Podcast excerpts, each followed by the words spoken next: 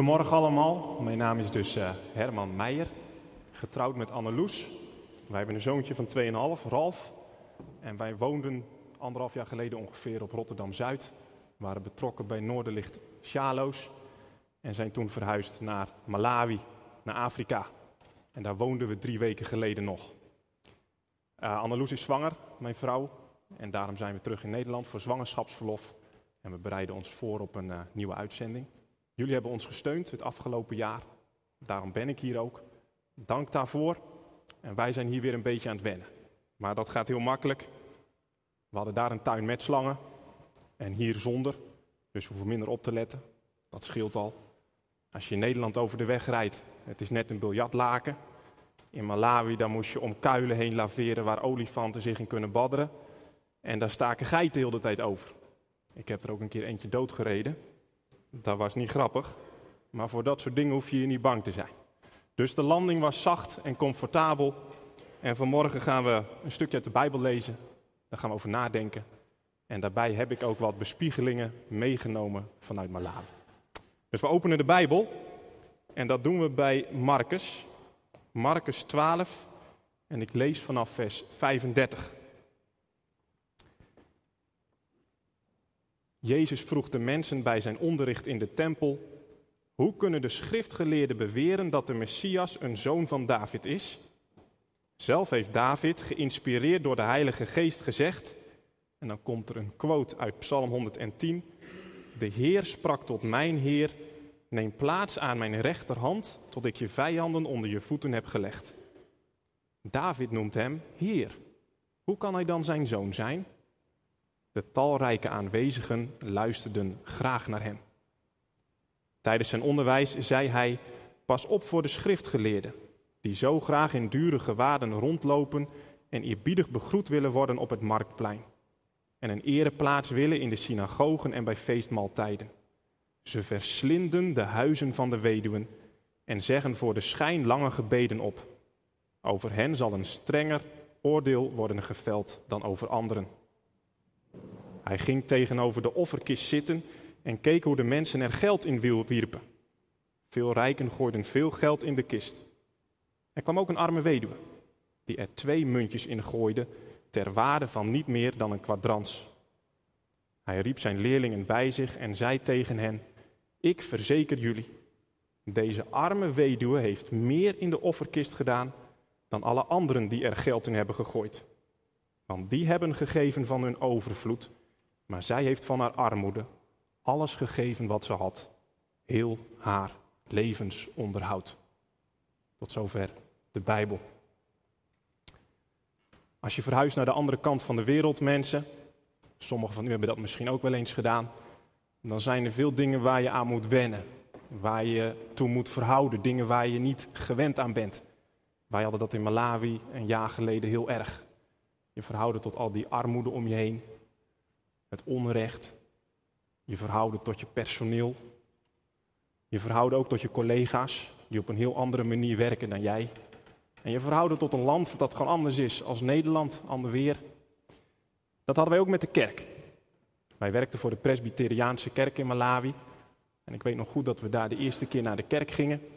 Kerkdiensten zien er gewoon net iets anders uit als hier. In Malawi heb je sowieso niet van dit soort mooie gebouwen. En al helemaal niet van die grote orgels. Nee, het zijn vaak een beetje in allerhaast opgetrokken hutjes met een golfplaten dak. Maar ze zitten elke zondag bomvol. Dat is ongelooflijk. En op heel veel kerken waar ik ben geweest, wordt er naast de huidige kerk ook een nieuwe, vaak wel twee of drie keer zo'n grote kerk gebouwd. Want Malawi groeit snel en de kerk groeit ook snel. Het publiek in de kerk is ook jong. Dit is voor Nederlands begrip een jong publiek. Maar in Malawi zouden ze zeggen, tjoh, bejaardentehuis. Beetje overdreven, maar meer dan de helft van de bevolking in Malawi is jonger dan 15. Dat is ongelooflijk. En dat zie je dus ook terug in de kerk. Er waren dingen in de kerk die vond ik echt schitterend. Het allermooiste in de kerk in Malawi, dat was het zingen. Als mensen in Afrika gaan zingen, dan gaat de hemel een klein beetje open. Ze hebben geen instrumenten. Ze doen dat a cappella, vaak meerstemmig. En op een gegeven moment staat de hele gemeente te swingen. En, ja, dat vond ik fantastisch. Ze zingen dat hele oude liederen. Uh, die wij ook wel kennen in Nederland, Johannes de Heerachtig. Dus wij konden zo meezingen, al begrepen we de taal niet, maar toch, hè, er was verbinding. Ik zeg altijd, het zou mij niet verbazen als ze in de hemel een beetje op zijn Afrikaans zingen. Er waren ook dingen waar wij aan moesten wennen. Dingen die we als Nederlanders niet gewend zijn. Dingen ook waarvan ik me afvroeg, is dit nou de beste manier? Een van die dingen was de collect. Collect in Malawi, dat gaat heel anders dan in Nederland. Hier hebben we het helemaal heel erg individueel gemaakt. Met een QR-code vermoed ik dat het hier gaat. En als het niet met een QR-code gaat in Nederland, dan gaat het vaak met, met zakken die door de bank gaan. Je stopt er individueel je geld in. In Malawi staat ervoor in de kerk staat een grote schal. En de hele kerk moet langs die schal, bank voor bank. En achter die schal staat vaak een diaak. Toe te kijken. Die ziet precies wat je erin doet. En als die diaak er niet staat, dan gebeurde wel eens, dan zat er achter op het podium, daar stond een hele grote stoel en dan zat de dominee. En die dominee keek toe wat zijn schaapjes in, in die schal deden. Of in dat gebeurde ook wel eens een plastic emmer, doorzichtig. En voor die dominee hing er veel van af, want dat was zijn inkomen. De opbrengst van de collect. Nou, dan loop je dan als enige blank in die kerk naar voren en je realiseert je, iedereen ziet wat ik erin doe. Ik vond dat altijd hoogst ongemakkelijk. Maar er waren de mensen in Malawi en die liepen naar voren en die gooiden er een paasbriefje in. 5000 kwatsja. En mensen in de kerk stoten elkaar dan aan. Zo, die gaf 5000 kwatsja. Dat is het hoogste biljet dat ze in Malawi hebben. Die heeft van de week zeker een geit verkocht. Zoveel geld. 5000 kwatsja. U zult zich afvragen, wat is dat dan waard, 5000 kwatsja? Dat is ongeveer 3 euro. Maar dat is in Malawi heel veel geld. Want het minimumloon in Malawi is 30.000 kwacha. Zes van deze briefjes. En dan verdien je het minimumloon, ongeveer 18 euro. Er zijn ook heel veel mensen die hebben geen werk. Meer dan de helft van de bevolking is werkeloos. Die moeten vaak van nog minder rondkomen dan dit. Dus als jij rijk genoeg bent om 5000 kwacha in de offerschaal te doen, dan ben je rijk. Er zijn ook mensen, die zijn er ook niet heel veel. Dat waren de allerarmsten in Malawi. Die hadden niet genoeg geld om er een biljet in te doen. Die gaven nog muntjes. Ik heb er twee meegenomen. Twee muntjes van vijf kwatsja. Samen tien kwatsja. Minder dan één eurocent. En dat zag ook iedereen. Die gaf muntjes. Slechte week gehad. Of zeker zijn baan verloren. Het is zichtbaar wat je doet. Wat je geeft.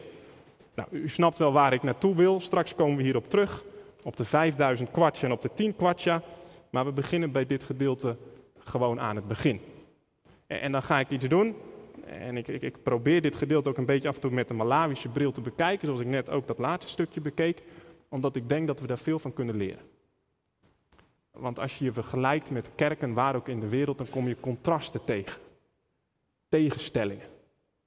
En in dat contrast kunnen wij van elkaar leren.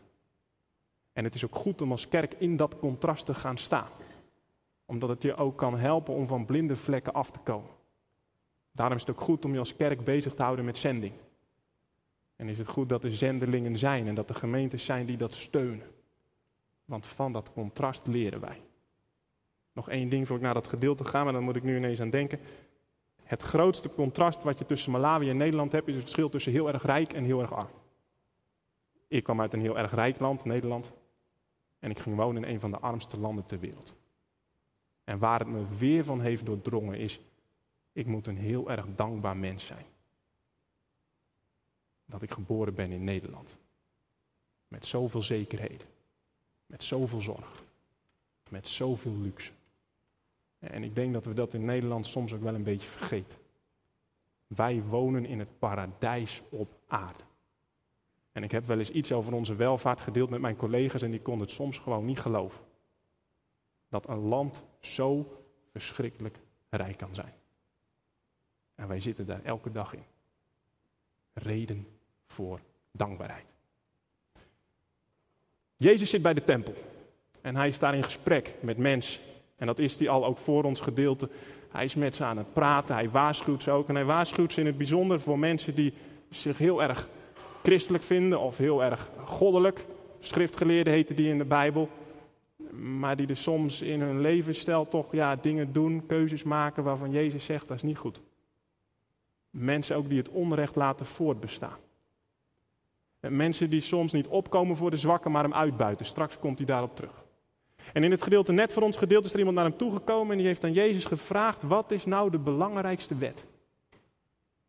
Wat is het belangrijkste dat ik echt in mijn leven moet doen? En dan geeft Jezus dat beroemde antwoord. God liefhebben boven alles en de naaste als jezelf.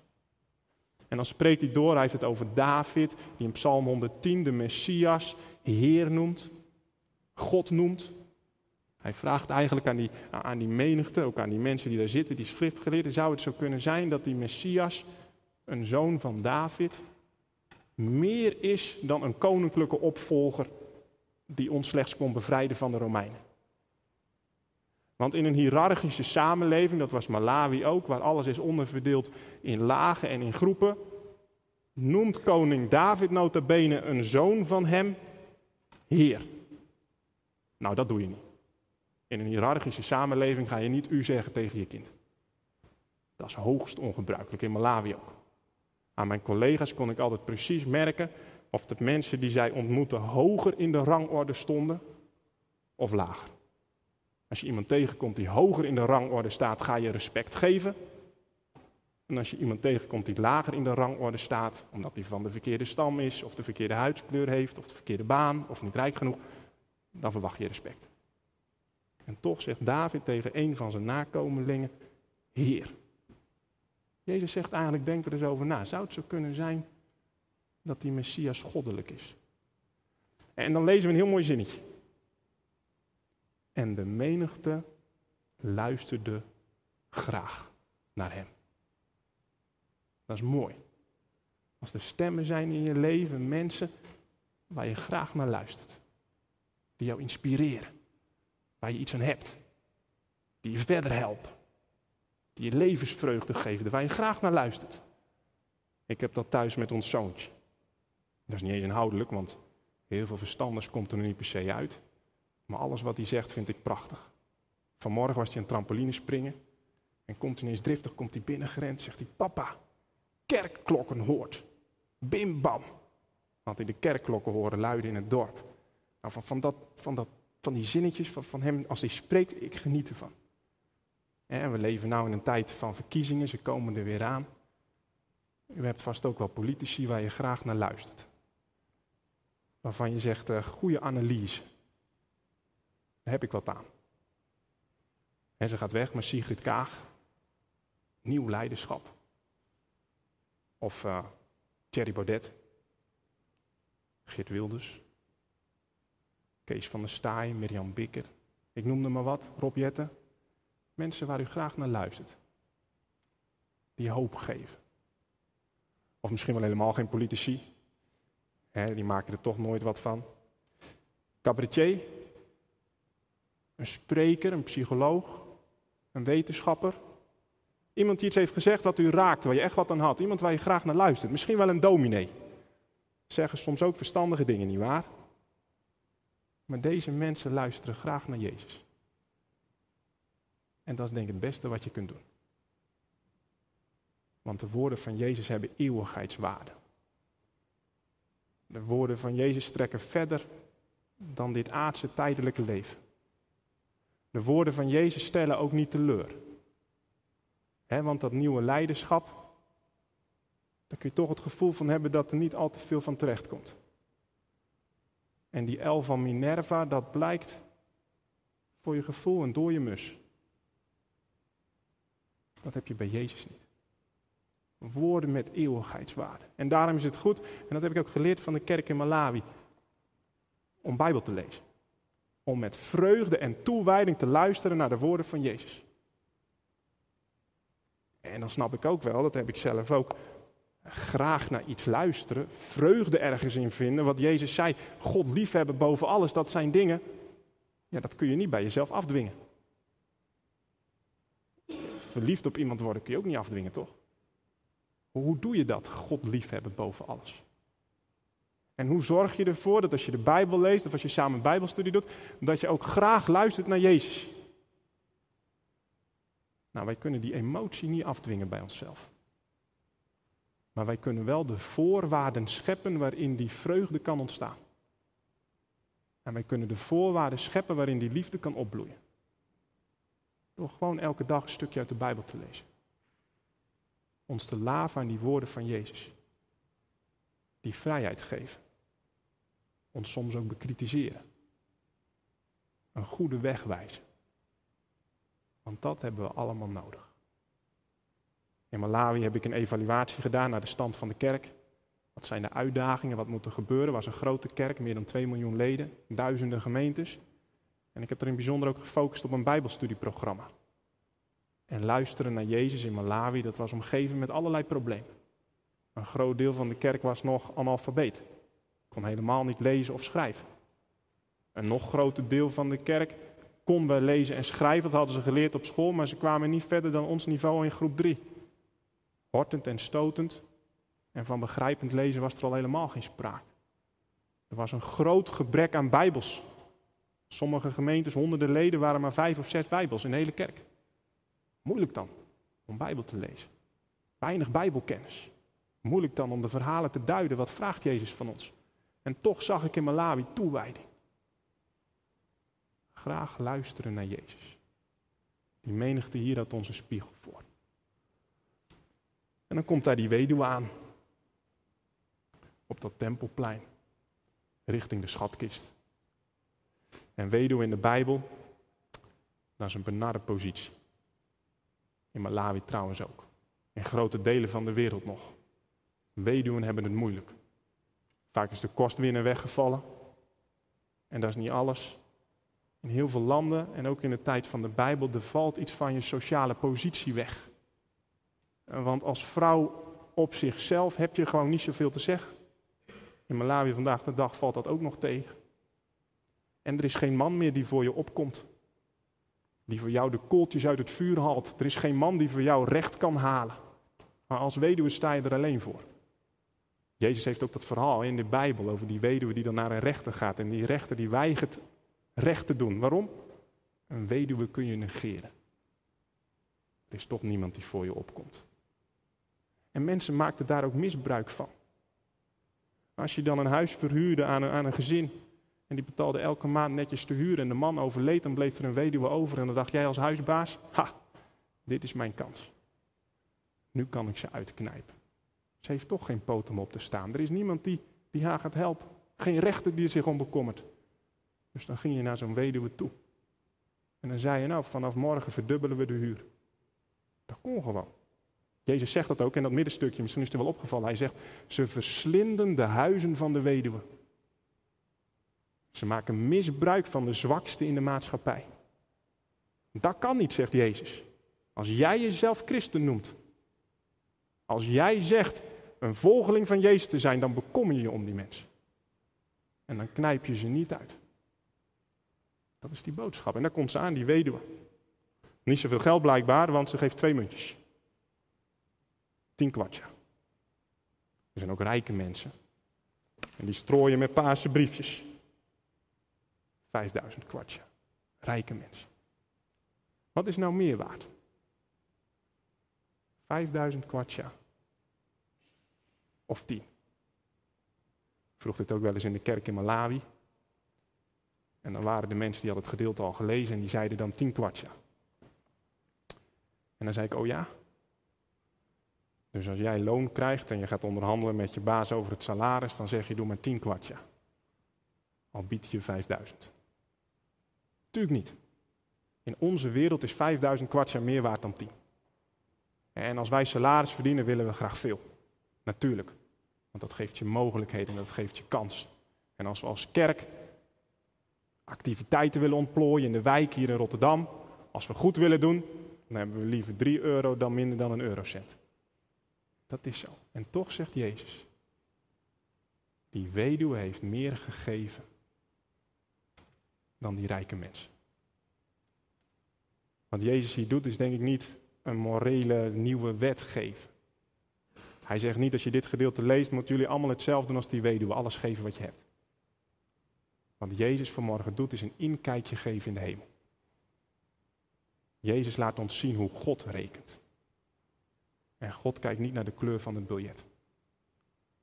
En God rekent ook niet zoals wij hier op, op aarde doen. Nee, God kijkt naar een stukje toewijding. God kijkt naar een stukje liefde. God kijkt naar het hart. En het mooie van dit gedeelte is dan dat je blijkbaar als arme weduwe ook een waardevolle bijdrage kunt leveren aan het koninkrijk van God. Want in Gods oog is die tien kwartja meer waard dan die 5000 kwartja die achterloos wordt gegeven uit overvloed. Het is geen nieuwe wet. Maar dit gedeelte houdt ons natuurlijk wel een spiegel voor. En dat bent u met mij eens.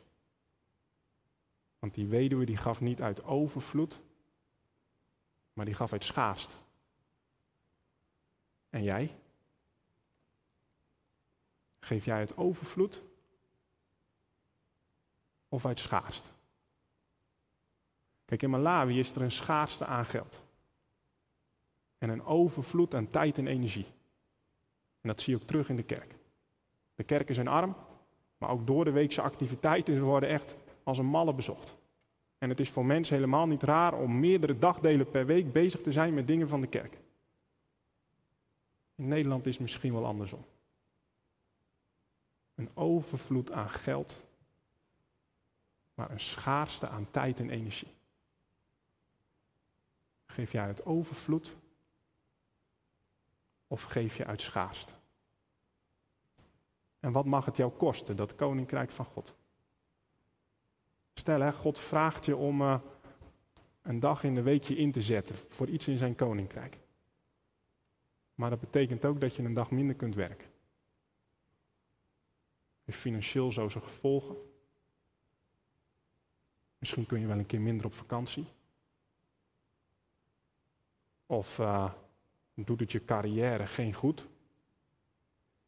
Over carrière gesproken trouwens, hè? Stel dat God je vraagt om dominee te worden.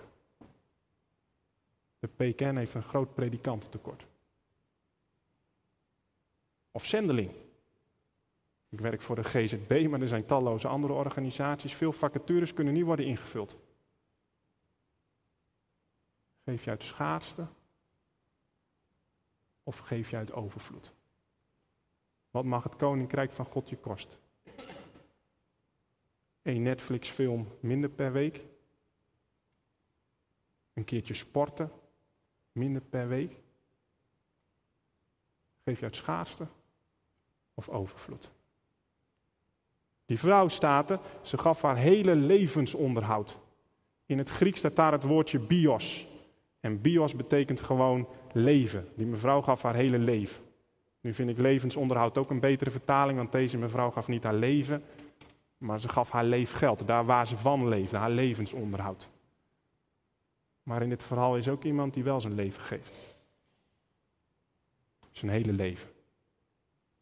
Met alles erop en eraan. En dat is Jezus. Hij is in ons gedeelte al onderweg naar Jeruzalem. Het staat op het punt van gebeuren. En hij geeft dat leven voor mensen die niet vol toewijding leven. Voor mensen die fouten maken. Die tekort schieten. En als christenen, als navolgelingen van Hem, mogen we groeien in geloof, groeien in het lezen van de Bijbel, groeien in het vinden van vreugde in het lezen van de Bijbel. En dat doen we vol toewijding, toch? Toewijding, dat is met hart en ziel. Het woordenboek zegt vol overgave. Of laten we het zeggen zoals Jezus het zegt. Wij hebben God lief. Met heel ons hart. En met heel onze ziel. En met heel ons verstand.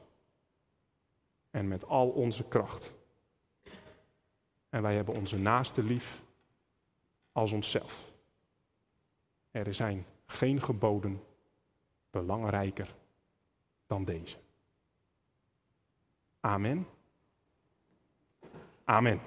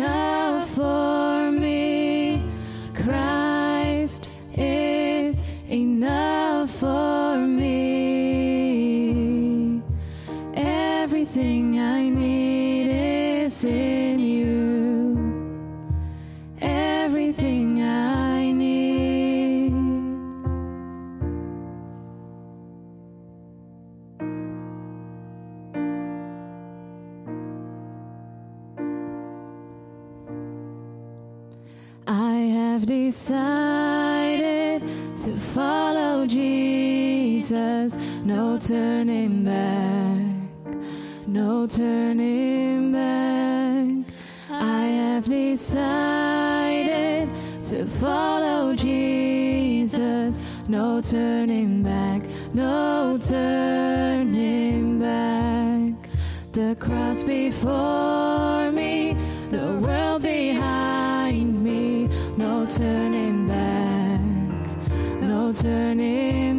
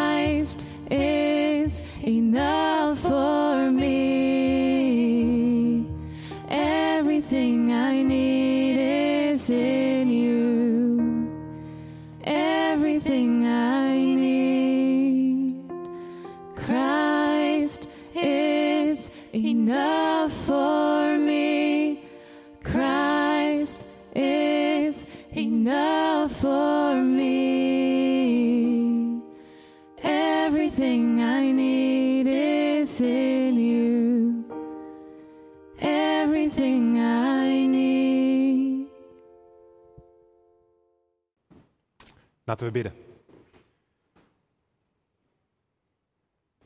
Ja, lieve Jezus, u bent alles voor ons.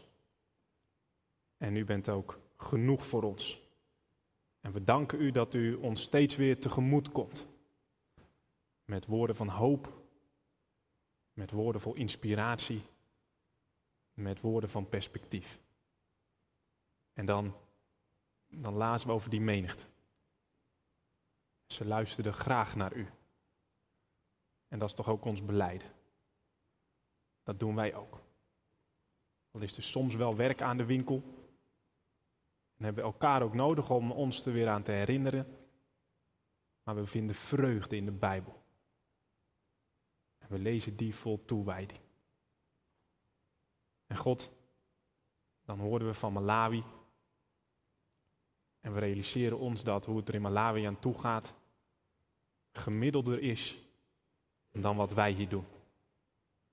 En dat er veel meer mensen zijn die in een land leven dat veel armer is dan wij, dan dat we leven in een land dat rijker is dan Nederland.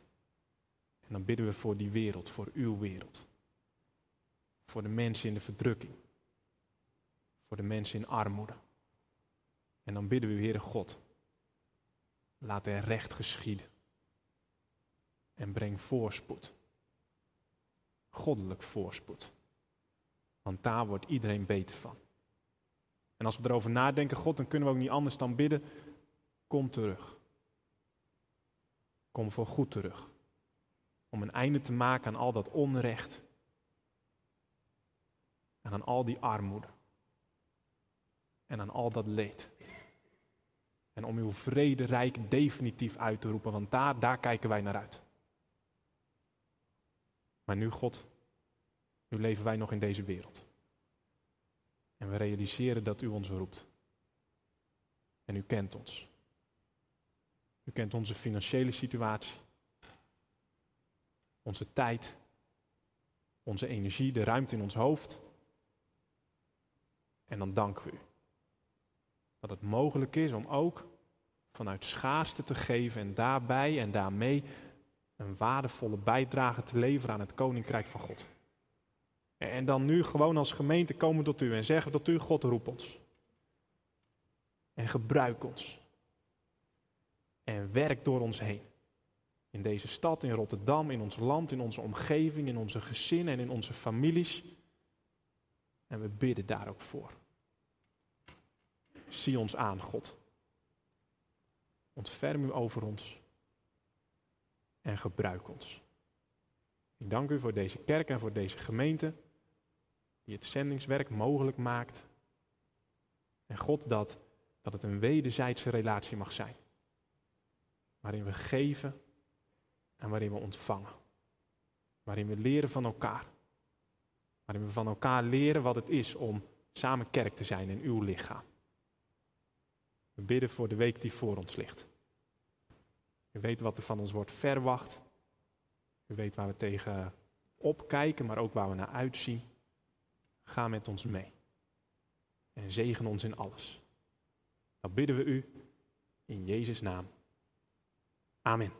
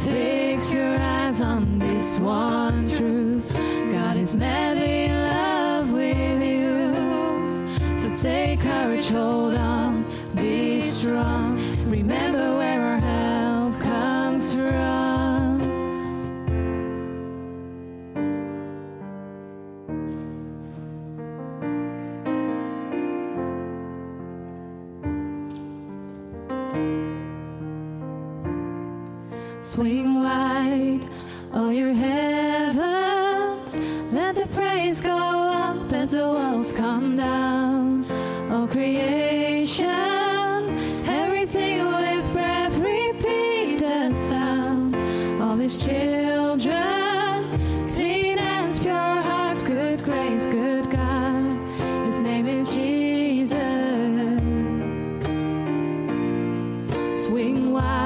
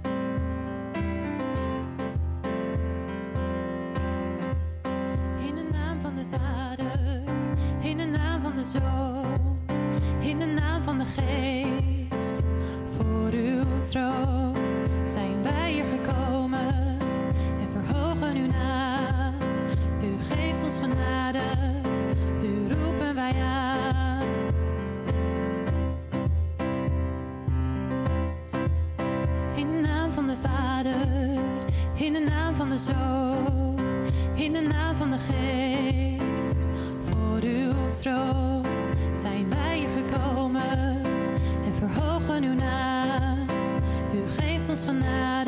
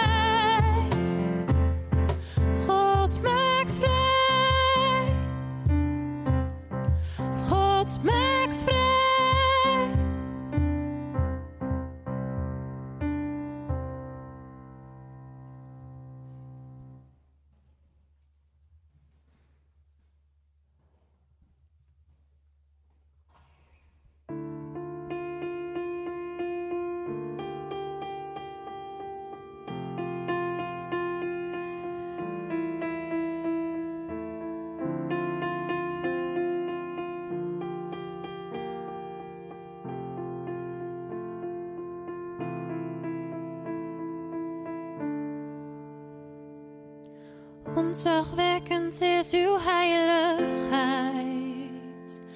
Grenzeloos uw grote kracht. Onbetwistbaar soevereine God, mijn hart is vol ontzag. Fascinerend mooi is uw persoon. Uw karakter is volmaakt.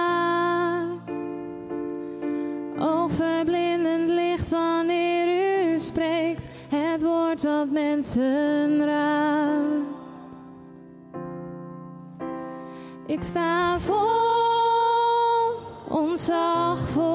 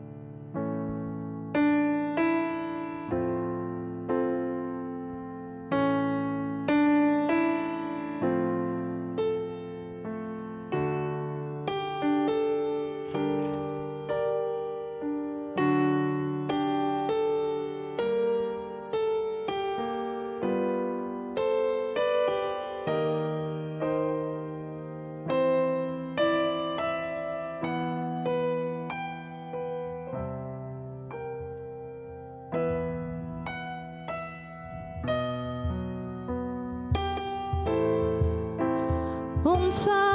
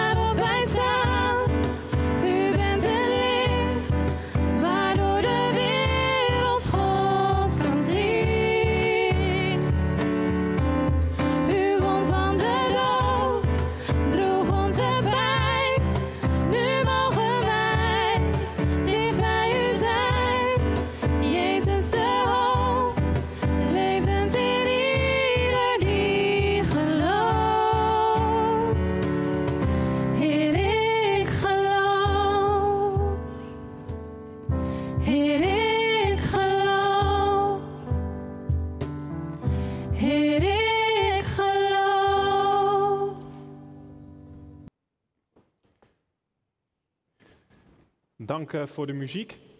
Ik zei dat eh, in de hemel, ik denk dat ze Afrikaans zingen. Maar jullie staan denk ik in het voorprogramma. Of andersom natuurlijk. Dat, eh, daar ga ik niet over, maar mooi.